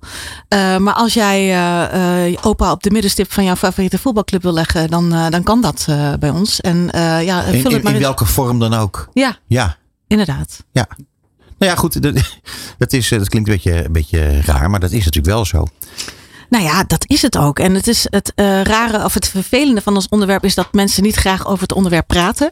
En dan is het ook nog eens een verzekering. Dus eigenlijk een low interest, eh, meer, meer Ja. low interest, lower kan het niet worden, zeg maar. Dus, eh, en dat is onze uitdaging om er toch Onze mooie taak. een luchtig onderwerp van te maken zonder al te luchtig te worden. Hey, nog even voordat we het daarover gaan hebben. Want Mhm. namelijk jullie zijn marketeers. En eh, het is natuurlijk super interessant eh, om te kijken hoe je dan in dit specifieke vakgebied daarmee mee aan het werk gaat. Ehm, wat, hoe komt het dat jullie 4 miljoen klanten hebben? Want jullie zijn gewoon enorm groot. Ja, en heel onbekend. En heel dus, onbekend. Ja, Hoe- en dat is als dat merkmanager wel echt wel eh, ja, een, een doorn in mijn oog. Maar dat is wel een mooie uitdaging ook. Ja, we zijn groot geworden door, eh, veel overnames. Dus we Oh, hebben eh, van kleine verzekeraars hebben we overgenomen. Dus heel veel klanten. Dat is ook onze eerste eigenlijk prio. Eh, heel veel klanten kennen ons nog niet eens. Als wij een eh, campagne uitsturen, krijgen we echt heel vaak te horen van ja, ben ik dan bij jullie verzekerd? En voor hoeveel dan? Wie zijn jullie? Ja. Eh, en dan soms niet heel aardig ook, weet je, op de toon. Want dan, denken ze dat oh, er komt zo'n verzekeraar eh, om de hoek. Eh, maar dat is onze manco, weet je, dat, ze- dat we niet heel erg bekend zijn. We doen ook geen ATL-campagnes, dus alleen eh, via onze eigen kanalen. Ehm, en ja, dus dat is de uitdaging om ons merk groot te maken. En ik zag op de website zag ik staan. eh, als je genoeg spaargeld hebt, dan Juist. heb je geen uitvaartverzekering Klopt. nodig. Dat vind ik voor een verzekeraar vind ik dat, een, eh, vind ik dat echt. eh, Ja, maar het, Ja. het beschrijft wel precies wie we zijn en wat we ook willen uitdragen naar onze klanten toe. We willen het oprecht heel goed doen voor onze klanten. Ja. En eh, ja, dat betekent ook dat je eerlijk moet zijn over je producten. Niet iedereen heeft een uitvaartverzekering nodig. nee. En dat is helemaal prima. Ja, eh, hoeveel eh, eh, eh, mensen. Maar kijk, je moet mensen bereiken om, om, om je marketing eh, effectief te laten zijn. Eh, hoeveel mensen vinden het eh, wel interessant of eh, niet onprettig, laat ik het zo zeggen, om over eh, de dood of afscheid, eh, over deze zaken te praten? Nou, twee derde van Nederland vindt dat heel lastig. Het laatste onderzoek. Twee derde? Ja, dus dat is, eh, Dat is best veel. Want Siri heeft ook een mooie campagne gelanceerd aan het begin van het jaar. En ze hebben daar onderzoek ook naar gedaan. We hebben zelf ook onderzoek gedaan. En twee derde van Nederland vindt het inderdaad een lastig onderwerp. En dat maakt het voor ons de uitdaging om dat toch eh, te doen. En mensen Ja. over te halen om erover te praten. Ja, maar het is toch wel zo dat het, denk ik, wel steeds iets beter wordt. Ja, we hebben ook onderzoek gedaan naar wat voor effect corona op, dat, eh, op dit stuk eh, Ja. heeft. En daar kwam niet uit dat, eh, dat mensen, oh ja, doordat, eh, doordat ze eh, zich bewust zijn van hun sterfelijkheid, dat ze er meer over gaan praten. We hadden verwacht dat het meer zou doen. Ja, maar want, dat want we zagen wel ons omzet stijgen Ja. in die tijd. Oh ja? Ja, hoe Ja. lullig dat ook is. Maar Ja. dat is wel. En we hebben juist al onze campagnes eh, stopgezet. Omdat we juist niet in die periode mensen ermee wilden confronteren. Maar toch, eh, ja. eh, dus ze, ze sluiten het wel af, maar ze willen er niet over nadenken. Nee, ik begrijp het. Ehm, Een low interest product. Yes. En dan gaan jullie aan de slag. Ja, En dan zou ik het echt heel leuk vinden om te horen van wat ga je dan doen? Want jullie moeten rare, eh, jullie moeten eigenlijk een soort als een kat in nood rare sprongen maken. Is dat niet een beetje zo? Nou ja, we moeten het eh, op zo'n manier brengen dat er een grote groep de- zich daar eh, aan conformeert, zeg maar. En dat Ja. is de uitdaging. En daar hebben we goed hulp bij. We hebben Van Sante Netwerk, die ons, een communicatieadviesbureau, die ons daarbij helpt. En zij hebben dus ons concepting gedaan. En daar hebben ze heel het palet met alle voorstellen gedaan. En wij hebben er eentje uitgekozen. En ehm, ja, dat is de, de- deze campagne geworden van Ja. de afgelopen zomer. Ja, en ik wil graag alles over die campagne Ja, vind we willen ook alles over vertellen. Nou, heel graag. Ja, nou, hij besta- we, we- kijk, we, wij- een, een goed gesprek begint met een simpele vraag. Dat is eigenlijk ons credo. Mhm. En eh, voordat jij een eh, uitvaartverzekering afsluit, moet je ooit eens nadenken en spreken over die dood. Over die uitvaart. Mhm. Ehm, hoe ga je dat nou doen? Wij hebben een platform, Deel het Leven heet dat. En daar hebben we mooie vragen, simpele vragen waarmee je dat gesprek dus op gang kan brengen. Eh, dat promoten we al, nou, zolang als ik er zit in ieder geval. Ook En niet zo toen- makkelijk eigenlijk. Nee, helemaal niet. Want ik bedoel, Nee, een simpele vraag bedenken is denk ik heel moeilijk. Nou ja, we moeten vooral op het leven richten ook. Moet je aan de marketeer vragen, dat Ja. is niet zo moeilijk. Nee, dat lukt nog wel. Maar mensen daar, daar bewust van worden is, eh, is de uitdaging. Ja. En dus we hebben een campagne opgezet waar, eh, die uit drie delen eh, bestond, eh, bestaat. Eh, dat is een. ehm, kijk, je kunt dat gesprek wel aangaan, maar eigenlijk moet je een keer een goed voorbeeld geven. Dus wij dachten, we moeten een bekende Nederlander. Die, dat slaat altijd eh, lekker. Dat, gaat, dat eh, doet het altijd goed bij de mens. Een leuke, en een leuke bekende, vent, ja. dacht ik voor mezelf ook. Maar nee, en, ehm, maar nee want we hadden onderzoek gedaan. En bij, eh, we zijn eh, het meest onbekend onder vrouwen tussen de 35 en 49 jaar. Eh, is ook gek. Ja, dat is nou eenmaal zo. Dus wij dachten, nou, die doelgroep kunnen we best wel goed bedienen met een, eh, een Nederlander die makkelijk praat en ook al eens het onderwerp eh, heeft besproken. En Mark Tuitert heeft zijn moeder verloren een paar jaar terug. En die praat daar heel makkelijk over. Dus wij zijn met hem naar de Rotberg gegaan. en Daar een mooi interview afgenomen met Ook een hem. leuke kerel, hè? Ah, hartstikke leuk. ja, ja, absoluut. Maar dat, ja. Ja. absoluut. Dus dat was hartstikke leuk. En die hebben we dus via social media. Dus om dat, dat gesprek ehm, is voor te doen hoe dat zou kunnen gaan. Ja. En dat, eh, dat, dat was onze eh, insteek daarmee. Eh, Volle vervol- regie erop. Ja, volle regie. Ja, nou ja, gooi er een kwartje in en er kwam heel gesprek uit. Dat was We hebben eigenlijk heel natuurlijk, echt- toch? Ja, dat was eigenlijk heel, ja, het Ja. gezet Er hoefde geen regie op. nou, we hadden vier uur uitgetrokken voor die man. En anderhalf uur stond alles erop. Ja, Oh ja, het is echt fantastisch. Kijk, dat is ja, leuk. ja hij doet dat heel goed. Geen take opnieuw. Geen take opnieuw. En later dacht ik, ja, we moeten nog iets van deel het leven erin. Hij zegt, wat wil je dat ik zeg? Weet je wel zo. Ja, en zegt, nou, en dan eh, zo'n uitspraak op het einde dat je denkt, oh, nou ja, ik had het zelf niet beter kunnen bedenken. Nou, wat dus eh, ja, nee, dat was echt eh, super gaaf. Dus Dus, straks, straks even voor onze luisteraars het nummer van Mark Tuitert even delen. doen dat we. iedereen... Absoluut. Zou die hartstikke op prijs Ja, stellen. dat denk ja. ik ook. Ja, doen we. Hey, wat, wat heeft dat verder voor gevolgen gehad? Ehm, we, wil iets over Ja, de is goed. Ja, ja, ja zeker. nou, het bestond natuurlijk uit meerdere delen. hè. We hadden Mark Tuitert met de video's. Eh hebben we natuurlijk op eh, YouTube heel veel mee, eh, mee gedaan. Op social heel veel mee gedaan. We zijn bij ongeveer ja, 4 miljoen keer in beeld geweest. Zeg maar. Alleen op het online platform heb ik het dan over. Dan, heb ik het, dan zie je 1,2 miljoen klanten die je, en niet-klanten die je bereikt online. En ehm, ja, dan hebben we natuurlijk onze eigen media nog. Hè, EDM's die we hebben verstuurd. naar zo'n 500.000 eh, man. met met hele mooie eh, cijfers trouwens, eh, qua opens en, en kliks. Oké. Eh, dus het sloeg aan. Je kon zien dat er een hoge betrokkenheid was op het, eh, op het onderwerp. En dat we de, naar ons gevoel hadden we de juiste insteek gevonden voor deze campagne. Ja. Ehm, dus je zag in ieder geval online heel veel mooie resultaten. Maar we hebben ook een deel field marketing gedaan. Ehm, en dat was ook ja, echt een hele leuke ervaring trouwens. Ja, Stond jij ook in het field eigenlijk, eh Fedor? Wat zeg je? Stond jij ook in, in Ja, het ja, field? ik stond zeker in het field samen met Kim. Ik Ja. ben twee keer met Kim mee geweest. En eh, nou, er waren ook een aantal, aantal, andere collega's van. eh, eigenlijk het hele marketingteam was, eh, was hier in Utrecht onder andere eh, zijn we geweest. We zijn op kantoor geweest bij ASR. om ijsjes uit te delen. En dat waren van die dubbellikkers. Dus het idee is dat je die breekt. Met wie breek jij het ijs? En dan, Oh, oké. en dan een goed gesprek voeren met elkaar. En daar En, dan, zagen en we... brak je dan het ijs met, met onbekenden? Met mensen die door de stad Ja, liepen. ja, gewoon compleet random. Ja. Ja. Wat goed zeg. Ja, het was echt heel leuk. Alleen het weer was niet zo leuk. Nee, die eerste dag was, er- was het regen. Toen zei Ja. ze, wil je een gratis ijsje? Nee, nee, ja, nee, ik snap nee. eigenlijk ook wel. Ik denk dat ik dood wil of zo. Wat denk je er zelf al? Ja. Nou ja, het mooie is dus je kan heel, makkelijk, want daarna werd het prachtig mooi weer. Het was echt eind juli in die, in die warme dagen. hè. Ja. Dus je kan heel makkelijk van die ijsjes af. Hè. De, de kinderen die, eh, die, die vroegen er zelf om. Maar om dat onderwerp dan ook nog eens bespreekbaar te maken, dat was de uitdaging. Dus we hadden een mooie flyer erbij gezet en zeg, ehm, met wie breek jij het ijs? En als, dan kijken ze je aan en zeg, nou, we zijn van Ardante. En dan krijg je dat gesprek wel op gang, Mhm. weet je wel. Dus eh, Wat heb je Eh, nou uiteindelijk gedaan met die gesprekken? Ik bedoel, je, je, eh, je- het is een activatie. Mensen horen dan over Dante, sympathiek. Dat Ja. is het vooral. Dat het is ja. een sympathieke campagne. Maar, maar, maar wat je hoort, hè, als, als mensen dan het gesprek aangaan, daar leer je ook wat van, denk ik, of niet? Ja, want iedereen doet het ook weer anders. Hè? En Ja. voor iedereen heeft het ook een andere betekenis. En dat is wel het mooie van, eh, van dit onderwerp ook weer. Dat het voor iedereen een andere manier eh, kan zijn. Ja, Absoluut. Het mooiste was dat je dan mensen die, die spreek je aan op straat, die zeggen: Hier ga ik het vanavond over hebben met mijn partner of mijn dierbare. En dat is Ja. eigenlijk wat je wil, dat is wat we ook wilden bereiken met deze campagne. Ja, Ja. Ja, Stef, iets heel anders. Zo tussendoor even. Gewoon ja nou, vraag. Heel leuk hoor, Ja, ik zat een beetje na te denken over de demografie. Mensen worden steeds ouder in Nederland. Betekent dat ook dat jullie business steeds beter wordt? Dat, dat, ja, nou ja, goed, daar liggen allerlei rekenmodellen achter. Hè?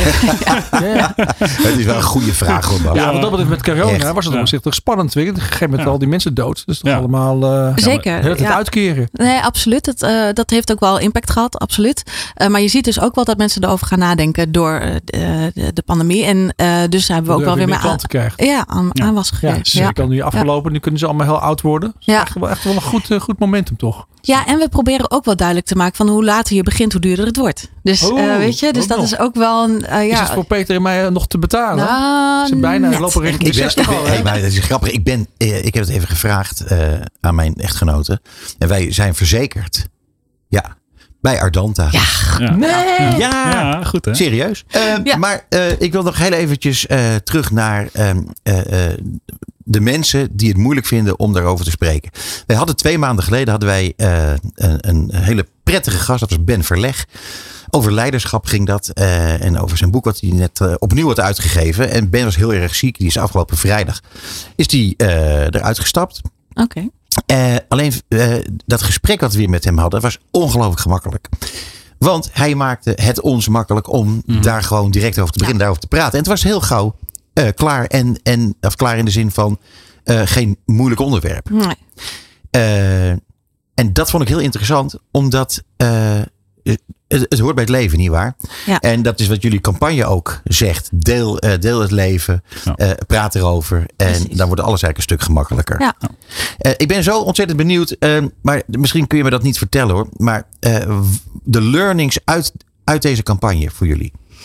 Nou, dat je dus. ehm, eh, dit was voor ons het eerste keer dat we echt met field marketing aan de slag gingen. Dus dat was eh, eh, dus ook wel een uitdaging en spannend ook voor ons. Maar het blijkt dus wel te werken. Ja, dus door op een, een laagdrempelige manier contact te maken met mensen die je tegenkomt op straat, krijg je altijd mooie gesprek. En ik weet zeker dat die mensen daar thuis over gaan vertellen. ja. Dus, ja. en, en met zoiets simpels als een ijsje, wat eigenlijk heel ver afstaat van, de, van het onderwerp. Dus onze learning is dat wel, ja, denk een beetje out of the box. Het is een beetje een dooddoener, maar leuke woordspelling. maar ehm, eh, dat, dat, is dus wel, dat werkt dus wel uiteindelijk. En eh, Ja. ja. we gaan kijken wat, het, eh, wat we nog meer kunnen doen op het onderwerp. Nou, het is echt helemaal te gek. Wa- Wat ik heel verrassend aan vind, is eh, een, een, een nieuwe insteek. En ehm, Ja, ik hoop dat we nog heel veel van jullie gaan, eh, gaan zien in de, in de toekomst. Maar ik denk het wel als ik kijk naar jullie enthousiasme en als ik kijk naar eh, de, eh, de, de resultaten waar jullie ongelooflijk tevreden over zijn. Yes. Absoluut. Dus eh, wij gaan weer verder, verder praten met elkaar. Ja, Als je het goed vindt. Heel Dank je enorm bedankt voor jullie komst naar de studio. Ja, bedankt En, voor de Tot de uitnodiging. volgende. Dit is Marketing Report op Nieuw Business Radio. Ja, en tegen het eind van ons programma hebben wij weer een geweldige gast. Die wij eigenlijk al heel vaak hadden uitgenodigd. Maar het kwam er steeds maar niet van. Maar eindelijk is zij hier. Alexandra Legro, Global Marketing en Communications Director. En boardmember bij Hunkemuller. Dat klopt. Ja, dat klopt hè. Ja. Fijn dat je er bent zeg. Eindelijk. Ja. Ja, nou ja, ehm, eh, eh, Alexandra. eh Hunkemuller. Wat een ongelooflijk mooi merk. En wat een eh, zichtbaarheid. Overal, ik bedoel, overal eh Hunkemuller. Hoeveel, hoeveel Hunkemullers zijn er wel niet eigenlijk? Nou, rond de 900. Negen- Ja, in 100. 19 landen. 19 landen. Ja. Eh, is dat allemaal Europa? Merendeel wel, ja. Ja. We hebben nog wel wat eh, in eh, het Midden-Oosten hebben we nog wel eens wat international franchise. India hebben we international franchise winkels ook liggen. Oh. Maar merendeel is allemaal Europa, ja. Ehm, is het een, een, een als je, je zegt nu India, eh, da- daar moet je zeker hele andere dingen doen om eh, jullie producten aan de man, te aan de vrouw te brengen, bedoel ik, eh, dan hier bijvoorbeeld. Qua product. Ja? Qua- nee, Nee? nee, nee. Ze, nee. ze voeren eigenlijk gewoon ons assortiment. Ze pakken ook alles van onze campagnes en die vertalen ze door in India. Kijk, ze hebben wel bepaalde dingen die ze dan niet kunnen doen. Kan niet te bloot, kan niet. Maar in principe pakken ze gewoon alles wat wij doen en dat verkopen ze. Ehm, betekent dat dat eh, de campagnes wereldwijd ook alleen eh, door de Nederlanders eh, gemaakt wordt? Door het hoofdkantoor. Het hoofdkantoor. Ja, ja, Hier in Hilversum. in Hilversum, booming Hilversum. Alles. Geweldig. Hey, maar dat is wel bijzonder. Ja, Voor Ja. zoveel. dat, dat is werkelijk enorm. ja, klopt. Ehm, hoeveel klanten heb je dat er eigenlijk over? Of is dat, is dat eh, geheim? Hoeveel klanten? Nou, ik kan ehm, heel veel klanten, maar ik kan je wel vertellen, wij hebben 5 miljoen actieve members. Ja. En dat de definitie is iemand die afgelopen jaar bij ons gekocht heeft. Dat zijn er 5 miljoen en dat groeit elk jaar. Eh, en ongeveer 75% van ons totale omzet wordt gedaan door klant-members. Ongelooflijk. Ja. 75 procent. 75%. Dat zijn is al een returning, returning clients dus. Ja, nou actieve leden, mensen die dus Ja. afgelopen jaar bij ons gekocht hebben. En dat zijn mensen waar je dan ook eh, allerlei data van hebt verzameld, mag ik aannemen. Ja, Ja. absoluut. En dat is ook, eh, ja, dat is het gave ervan. Je, je weet gewoon wie ze zijn, wat ze kopen, wanneer ze het kopen, welk kanaal ze het kopen. Je weet welke maatvoering ze hebben. Dus je weet best wel veel. En op basis daarvan kun je hun dan ook weer heel goed targeten met de juiste beloftes, juist product, juiste boodschap, juist kanaal, et cetera. Wat schitterend. Vertel even over, over jullie, eh, jullie eh, datazaken. ik bedoel, jullie eh, 75 procent van je omzet Ja, uit, eh, nou ja, uit, uit die bestaande klanten. Ja. Waar je dus net van vertelt, er heel veel van weet. ja. Hoe, hoe gaat het in zijn werk? Ehm, nou ja, hoe het werkt. Als je bij ons klant, eh, klant wordt, dus als je bij ons koopt, online of offline, vragen we of je member wil worden. Als je ja zegt, dan, krijg, dan kom je in een loyalty programma terecht. Dan krijg je allerlei voordelen. Van early access tot eh, shop credit, pa- passion points, ook gift with purchase. Dus je krijgt allerlei voordelen. Nou, en wat wij wel in ons programma doen, is proberen jou te stimuleren om op basis van eh, wat jij koopt of wat jou, iemand die op jou lijkt, heeft gekocht, te adviseren. Oh ja. Van joh, is dit iets voor jou? En dan verzuim, als jij dan koopt of als jij met ons als merk ehm, eh, interacteert, dus via een bepaald kanaal of reviews doet, et cetera, dan krijgen we data daaruit. En Ja. dan zorgen we dat we die data ook weer benutten om gewoon weer de juiste aanbod aan jou te bieden. Ja, je kijkt hè? erbij. Ja, simpel, ja. Nou ja ik, vind het, ik vind het wel eh, eh, eh, heel interessant. Omdat ik ben zo onder de indruk van die 75 procent. Ja. Daar, daar moet toch menig concurrent ongelooflijk jaloers op zijn. Ja, nee, maar dat is ook echt een van onze core ja, a- assets die wij Ja. hebben, is onze data. En het- de moeilijkheid alleen met data is, je hebt data, maar dan moet je het ook nog kunnen doorvertalen. En Precies. Dat is, en dat is nog steeds iets waar je natuurlijk, je moet systemen hebben die van data inzichten kan maken en van inzichten ook kan doorvertalen in acties. En werk je dan met eh, specifieke bureaus daarvoor? Ehm, ja, nou, we werken met bepaalde bureaus, maar we doen ook zelf in huis heel veel. Dus we hebben ook in huis data-analisten. Eh, we zijn, maar we werken ook natuurlijk met oplossingen die ons kunnen helpen om van data inzicht te maken en van inzichten tot acties. Dus we werken bij bureaus, maar we doen ook veel in huis. En daar hebben we bewust voor gekozen om ook veel dingen in huis te halen, omdat we gewoon die expertise willen houden bij ons. We willen snel zijn, flexibel zijn. Ehm, ja, en als je toch veel uitbesteedt, dan ehm, word je toch wat minder flexibel soms. Nou, dat zou toch ook andersom kunnen zijn? Nou ja. Want dan werk je met, met mensen die intern eh, bezig zijn. Dat zijn steeds dezelfde mensen. Dus daar zit, er, daar zit dan ook een, misschien wel een, een beperking. Klopt. En ik zeg ook niet dat dat, maar je- wat je wel merkt is dat als je ehm, intern gewoon wel eh, heel veel capaciteit en, ke- en kennis hebt en eh, tooling hebt, dat je heel erg veel sneller dingen kan doen. Als ik gewoon 's ochtends zeg, ik heb, eh, we zitten in een meeting en ik heb drie vraagstukken over één bepaald BH. Wie koopt het waar en wat kopen ze erbij? Dan kan ik die vraag stellen en dan heb ik het einde van de dag heb ik een antwoord. Ja. Nou als ik dat naar een extern partij moet gaan sturen, kan je dit voor mij uitzoeken? Ja, bla, bla, bla, akkoord. dan ben ik, ben ik weer een paar stappen verder. En ik wil op dat moment snel kunnen schakelen op iets. Ja, Bas. Ja, ik heb heel veel vragen en ik wil beginnen met de eerste vraag. Ehm, eh, de, de Ster heeft de tarieven met 24% eh, verhoogd eh, per 1 januari. En dan de grote vraag is natuurlijk, wat vinden adverteerders ervan? Nou, er zit er hier eentje in de studio. Wat vind je ervan? Ja, ik vind het ongelooflijk. Ik vind het waanzin. Nee, Nee, ik vind on- ik, voor mij wel het net toevallig over. Ik zei, ik snap niet dat de overheid dit ook toestaat. Oké, Heroverweeg je dan Ster of heroverweeg je het medium eh, televisie in het algemeen? Nou ja, de vraag is natuurlijk niet, want ik zit zelf niet of bijna nooit op ster. Dus, eh, maar voor mij is de vraagstuk, wat betekent dit voor de andere spelers? Wat Die gaan, zij doen? Ook een beetje mee. Die gaan natuurlijk mee, exact. En als zij dan zodanig meegaan, denk ik van ja, maar dan ga je natuurlijk een hoop merken, die kunnen niet meer mee hierin. En dan En- denk ik van joh, wat jammer, want zullen bepaalde merken wel mee kunnen. Maar dat gaat wel je hele landschap van reclame ook veranderen. En dan wint Facebook, Google, YouTube. Ja, Dat is dan het geval. Ja, maar goed. je krijgt ook, ik denk als je naar een reclameblok kijkt, je wil ook wel wat leukigheid in een reclameblok. Als je dus, ja, en ik, ik heb altijd wel het gevoel dat bepaalde merken, nou onder Hunkemuller ook, dat wel ook leuk reclame is. Natuurlijk niet alles is altijd misschien even leuk, maar je, krijgt ook een heel ander soort reclameblok. Ja, dat is waar. Goed. Ik Ja. heb dan mijn tweede vraag. Het is misschien een beetje een, een, een stomme vraag, maar niet zo bedoeld. Maar ik ben gewoon benieuwd. Kijk, de modellen, eh, die, heb, die hebben altijd een bepaalde eh, lengte, eh, dat soort dingen. Je werkt ook met Anna Nushin, heb je gewerkt. Ja. En die is heel klein. Wat ik heel erg leuk vind, want dat heeft juist, die influencers hebben dat juist gebracht. Dat je gewoon, dat maakt niet uit. Weet je wel? Je, je- kan een enorme following krijgen en dat doet er niet toe. Nee. Maar maakt het voor jou dan wel uit in je overweging om met zo iemand te werken? Überhaupt. Nou, bij Anna Nushin was het puur echt persoonlijkheid. En ik moet eerlijk zeggen, bij Hunkemuller kijken we totaal niet naar. Er is voor ons geen standaard model. Wij kijken heel erg naar persoonlijkheden. Met die collecties zoals met Anna Nushin ging het heel erg om de persoon. Waar Anne, wie Anna Nushin was. eh, waar ze verstond.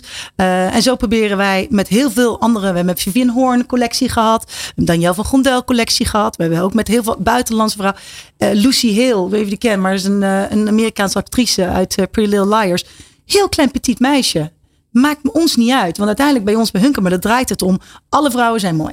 Maar dat Dus- is juist heel tof. Klein, groot, kleur, ehm, gender. Maakt allemaal niet uit. Het gaat allemaal om dat gewoon elke vrouw mooi is. En dat wij willen dat. Ja, dat willen wij als. Dat is ook ons purpose van ons bedrijf. Wij willen dat alle vrouwen zich mooi voelen en goed voelen. Oké, dan even bij Ananushin te blijven. Zij is natuurlijk influencer. Ja. Dat was neem ik aan een belangrijk onderdeel van de, de deal en de overeenkomst die je hebt gemaakt. Tuurlijk, tuurlijk. Ja. Het idee, wat- je doet is, we, eh, zij heeft een bepaald soort eh, volgersgroep. Ze, heeft ook, ze staat voor iets. En we hebben zo'n deal met haar collectie gedaan. Van joh, wij vinden het leuk om haar, eh, wat, wat wil zij overbrengen naar haar influencer base, maar ook naar de rest van de wereld. Want wij, haar collectie is niet alleen in Nederland verkocht. Haar collectie is Oh ja? in 19 landen verkocht. Oh, tof. En die kennen Ananousje niet. En wij, maar het gaat ook om waar ze voor staat, wie ze is, haar boodschap. Dat vinden wij heel belangrijk. Vond je dat niet spannend een beetje? Om te kijken hoe dat ging uitpakken? Het is altijd spannend, maar het- het- ja, ik vind het altijd wel leuk. En uiteindelijk als het product ook mooi is, dan pakt het sowieso altijd wel goed. Als je een goed product hebt, mooie fotografie. Maar waar het ons om gaat, is gewoon de extra boodschap te geven. Wat wil ik extra meegeven? Oké, en dan hebben we nog het laatste vraagje. Ja. Ehm, eh, eh, Je zit ook in een fashion brand. Hè? Ja. En eh, ik vind het altijd zo spannend. Waar, waar, waar ontstaat dat nou? Weet je? Is, dat, is dat Londen, Parijs, hier in Hilversum? Geen idee. En, en, en hoe weet je nou waar je heen moet? Nou, we hebben een, ehm eh, een designerafdeling. Eh, en wat zij doen is, het, het, mode komt overal vandaan, uit de hele wereld. En dat is wat je ziet met al die catwalks. Er zit niet alleen in Londen, maar ze zitten in heel veel landen, die catwalks, die fashion shows. En zij volgen gewoon heel nauwkeurig wat gebeurt er op de catwalk. Ehm, en dan gaan we dat doorvertalen naar lingerie. Dus als er een catwalk is, eh, er een bepaalde trend is, wat je ziet in New York. Nou, is het iets wat wij willen oppakken? Past dat bij wat onze doelgroep? Dat gaan we dat doorvertalen in lingerie. En dat kan uit New York komen, het kan uit Azië komen, het kan overal vandaan, het kan uit Afrika komen. Maar je kunt ook zelf een, een trend zetten of verzinnen. Of, Nou ja, je, je ziet natuurlijk trends op de catwalk qua kleuren, qua vormgeving. En dat vertaal je door naar lingerie. Want je ziet niet onwijs veel catwalk, catwalk zie je lingerie. Dus Ja. wij proberen dat altijd door te vertalen naar lingerie. Ja, precies. Eh, en dan kijk je naar eh, een nieuwe campagne. Ja. En dat ziet er schitterend uit. Dank kan je er iets over die campagne vertellen? Want die eh, prachtige eh, donkere vrouw. Ja. eh, met een hele mooie naam. Die mij even is ons. Nia Kim, Ja, Queen of Dark. Queen of Dark. Ja. Eh, heel intrigerend. Ik heb geen idee wie het is. Nee. En misschien is dat dan ook wel de spanning in die campagne. Kan je er wat over vertellen? Ja, nou Queen of Dark, heel grappig. Ehm, wij wilden heel graag een collectie doen, eh, doen we ma- vaker, met iemand, altijd met persoonlijkheden, met een verhaal. Ja. En we wilden heel graag een collectie doen met een vrouw met een donkere huid. Ja. En toen stond ik ben, ik kwam haar tegen op Instagram. En ik heb met haar gebeld. En ik zei, ik wil weten wat voor dame dit is. En ik hoorde haar verhaal. En waar komt ze vandaan? Ze komt uit Amerika vandaan, maar ze is een Soedanees.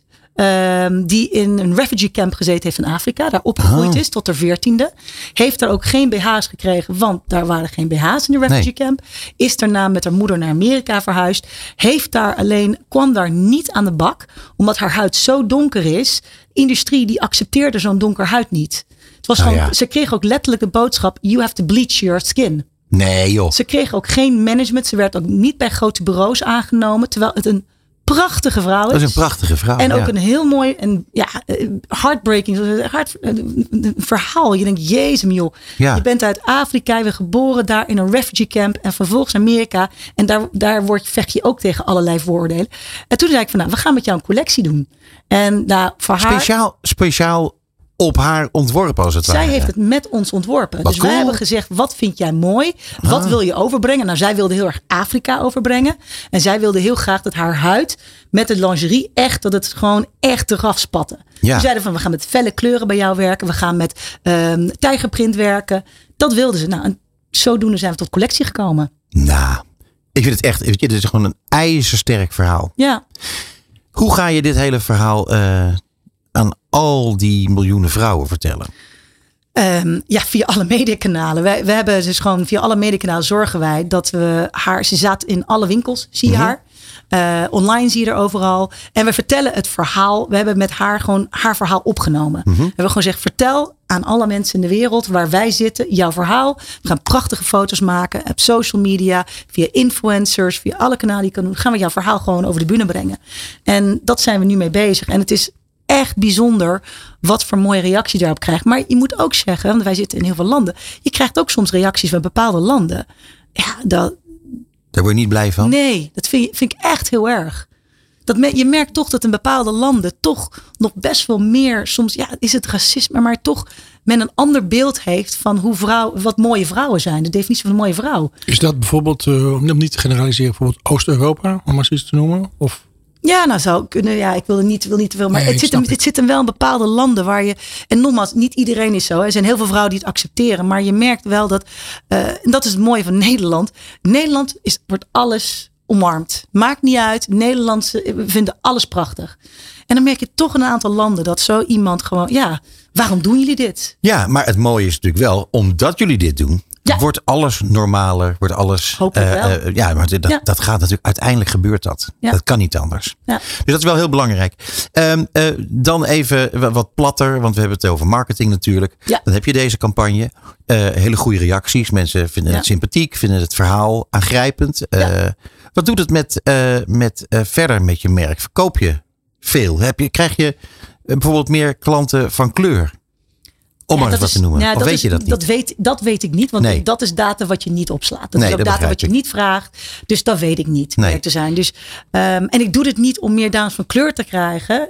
Tuurlijk is het leuk, maar wat je wil is gewoon, je wil gewoon dat alle vrouwen zich gewoon ja, thuis voelen bij ons. Jawel, maar je had toch ook, ik bedoel, eh, eh, eh, er is een hele ophef geweest over dat er, ik weet even niet meer welk merk dat was, maar er was geen lipstift voor donkere vrouwen eigenlijk. Ja. Nagellakken, die waren, nou ja, noem het allemaal maar op. En dan denk je, dan is dit wel een, een hele mooie stap. Ja. Maar dat zou, ik zou me kunnen voorstellen dat dat dan ook wel een effect heeft. Want namelijk, deze collectie is gemaakt, zeg je, hè, op een donkere huid. Ja. Nou ja. ja, hij, is, maar hij, hij past ook heel mooi op, niet op het donkerheid. Maar we hebben wel daar specifiek bij Ja, haar ja. gekeken van wat springt er bij haar gewoon helemaal, Ja. knalt er vanaf. Ik vind het een, eh, een uitermate mooi verhaal. Wij eh, eh, waren, moet ik zeggen, ontzettend blij dat je bij ons in de studio bent gekomen. Ja, Eindelijk. eindelijk. Ja, ik herhaal het nog maar een keertje. sorry, het was... eh, Zie je nou dat het allemaal Ja. best wel meeviel, en daar ging het helemaal niet om. Daar ging het echt niet om. Ik vind het altijd heel leuk. Hey, maar ontzettend bedankt dat je bent gekomen. Je, gelukkig hoef je niet zo heel ver, eh, want jullie zitten hier in Hilversum, maar je woont ook niet zo heel ver weg, gelukkig. Eh, nogmaals dank en heel graag tot een volgende keer. Dat is goed. Dankjewel. Dit is Marketing Report. Met Peter Wiebinga en Bas Vlucht. Ja, Bas. Zeg, eh, eh, kijk, vorige keer, een maand Ja. geleden, heb jij eh, de uitzending eh, helemaal moeten Ging goed, man. Ja, Ja, ging echt goed. hè? Jij was, ja, was spatte lekker er zonder mij. Ja. Ja, nee, maar dat kan ik me ook wel voorstellen. Ehm, Ik vond het vandaag ook leuk hoor. Ik vond, oh, ik gelukkig. heel eerlijk in. Ja, nou, ik moet je zeggen dat het was weer een, een, een, een, een scala aan topgasten, zeg. Ja. Ik, ik vond alles leuk, maar mag ik gewoon iets noemen? Nou, doe maar, ja. Ja, dat Schubert Phyllis, dat is toch een geweldig verhaal, hè? Daar hadden we, ik had er geen idee van. Ik dacht het gewoon... Een, Ik vond ook een hele goede vraag van jou. Ja, nee. Was een nou, goede vraag. Nee, ik zat Ja, daar niet toch vissen naar een complimentje. maar dat, ik vond het antwoord echt leuk. Nee, interessant. Nee, eh, Ja, geweldig. Ivo Roefs, eh, de- dat doen helemaal niemand tekort. Maar sommige mensen praten zo makkelijk. Die denk je, die praat nog makkelijker dan wij zelf. Het is het irritante af. Maar eh, ja, wat wil je als je 25 jaar lang meedraait in het eh reclamecircus? Dan Ja. eh, ben je natuurlijk niet op je mondje gevallen. Dat nee, dat is wel. waar. Eh, maar wat dacht jij dan van Marielle Scholten van 930?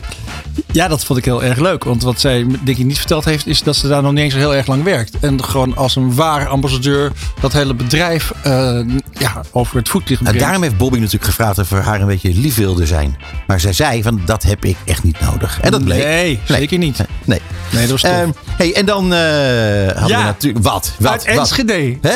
Uit Enschede. Leuk, hè? Ja. Ja. Ja, maar mensen zeggen wel, het zou wel weer een grachten geworden bedoeling zijn. Nee Wel, hoor, we hebben gewoon mensen uit Enschede met... eh, Fedor En, en Kim toen hij dat zei, toen hoorde ik het ook meteen. Ja, ik zeker. Ja, ja, ja, daarvoor niet, maar Nee. toen hoorde ik het. Ja, dat klopt. Ja, en dan leuk. zie je dat, dat mensen daar dan toch trots zijn op hun eh, achtergrond. Ja, ik vond het wel grappig. Je hebt een team van eh, tien marketeers voor een merk wat eigenlijk niemand kent. Ik denk, wat doen die mensen dan de hele dag? Maar dat heb ik niet gezegd natuurlijk. Nou nee, een merk dat niemand kent, dat is natuurlijk niet waar. Want ze hebben 4 miljoen eh, klanten. Ja, daarom. Dus, dus, dus dat gaat op zich natuurlijk hartstikke goed. Alleen, hoe ga je marketing-wise om met de dood? Ja. Het is een ingewikkeld, eh, ingewikkeld ding. En als dan blijkt dat twee derde van Nederland daar eigenlijk niet over wil praten, dan heb je wel een uitdaging, vind Ja, ik. zeker. Dus dat was, eh, dat was natuurlijk weer helemaal te gek. Nou, eh, dan vind ik overigens ook dat Christian van Dijk van Zicht, Ja. die heeft het nieuws vandaag toch weer verdomd goed geduid. Niet? Heel goed, heel goed. Waarbij we natuurlijk ja, die, die 24% eh, verhoging bij de ster aan de orde hebben laten Ja, dat viel komen. bij onze laatste gast ook helemaal verkeerd. Die Ja. schoot eigenlijk in Ja. het verkeerde keelgat. Ja, inderdaad. Ja. Ja. nee, maar goed, en dat begrijp ik ook wel als adverteerder. Allemachtig, jongens. Ja. Wat een... Het, was, En- het laatste interview was eigenlijk ook weer te kort. Hè? Ik had, ik had toch, toch best veel vragen kunnen stellen. Dankjewel Peter. Jouw echt oneindige mildheid daarin. Ja, maar eh, had ik ook nog iets willen weten over die verschillen tussen al die landen. Weet je? Hoe dan die BH'tjes in België vallen en de BH'tjes dan in Nederland. En hoe het dan weer anders is. En ja, weet je, had ik alles over willen weten. Maar ja, andere keer dan. Maar ik- weet je, op de een of andere manier staat mij een beetje tegen dat jij zegt BH'tjes, hier BH'tjes. Heb je het dan ook over, over onderbroekjes? Oh, sorry hoor. Hey, mag, ik het, mag ik het nog terugnemen of is het, of is het already al out niet- there? Is Already al out there? is out there, is niks Ja. meer aan te doen. Ja. Nee, maar goed. Eh, Bas, het was, eh, eh, het was fenomenaal. Ik zou heel graag nog willen bedanken. Één persoon. Ja, ik Namelijk, ook. dat is niemand minder dan Ja. Ron Lemmens Ron hier Lemmens. van de radiofabriek. Ja. Eh, voor de techniek. En hij heeft het weer fenomenaal gedaan. Ik zeg Ron, dankjewel. alle schakelingen goed. Ja, vind ik ook. Dankjewel Ron. En luisteraars, bedankt voor het luisteren. Heel graag tot volgende maand.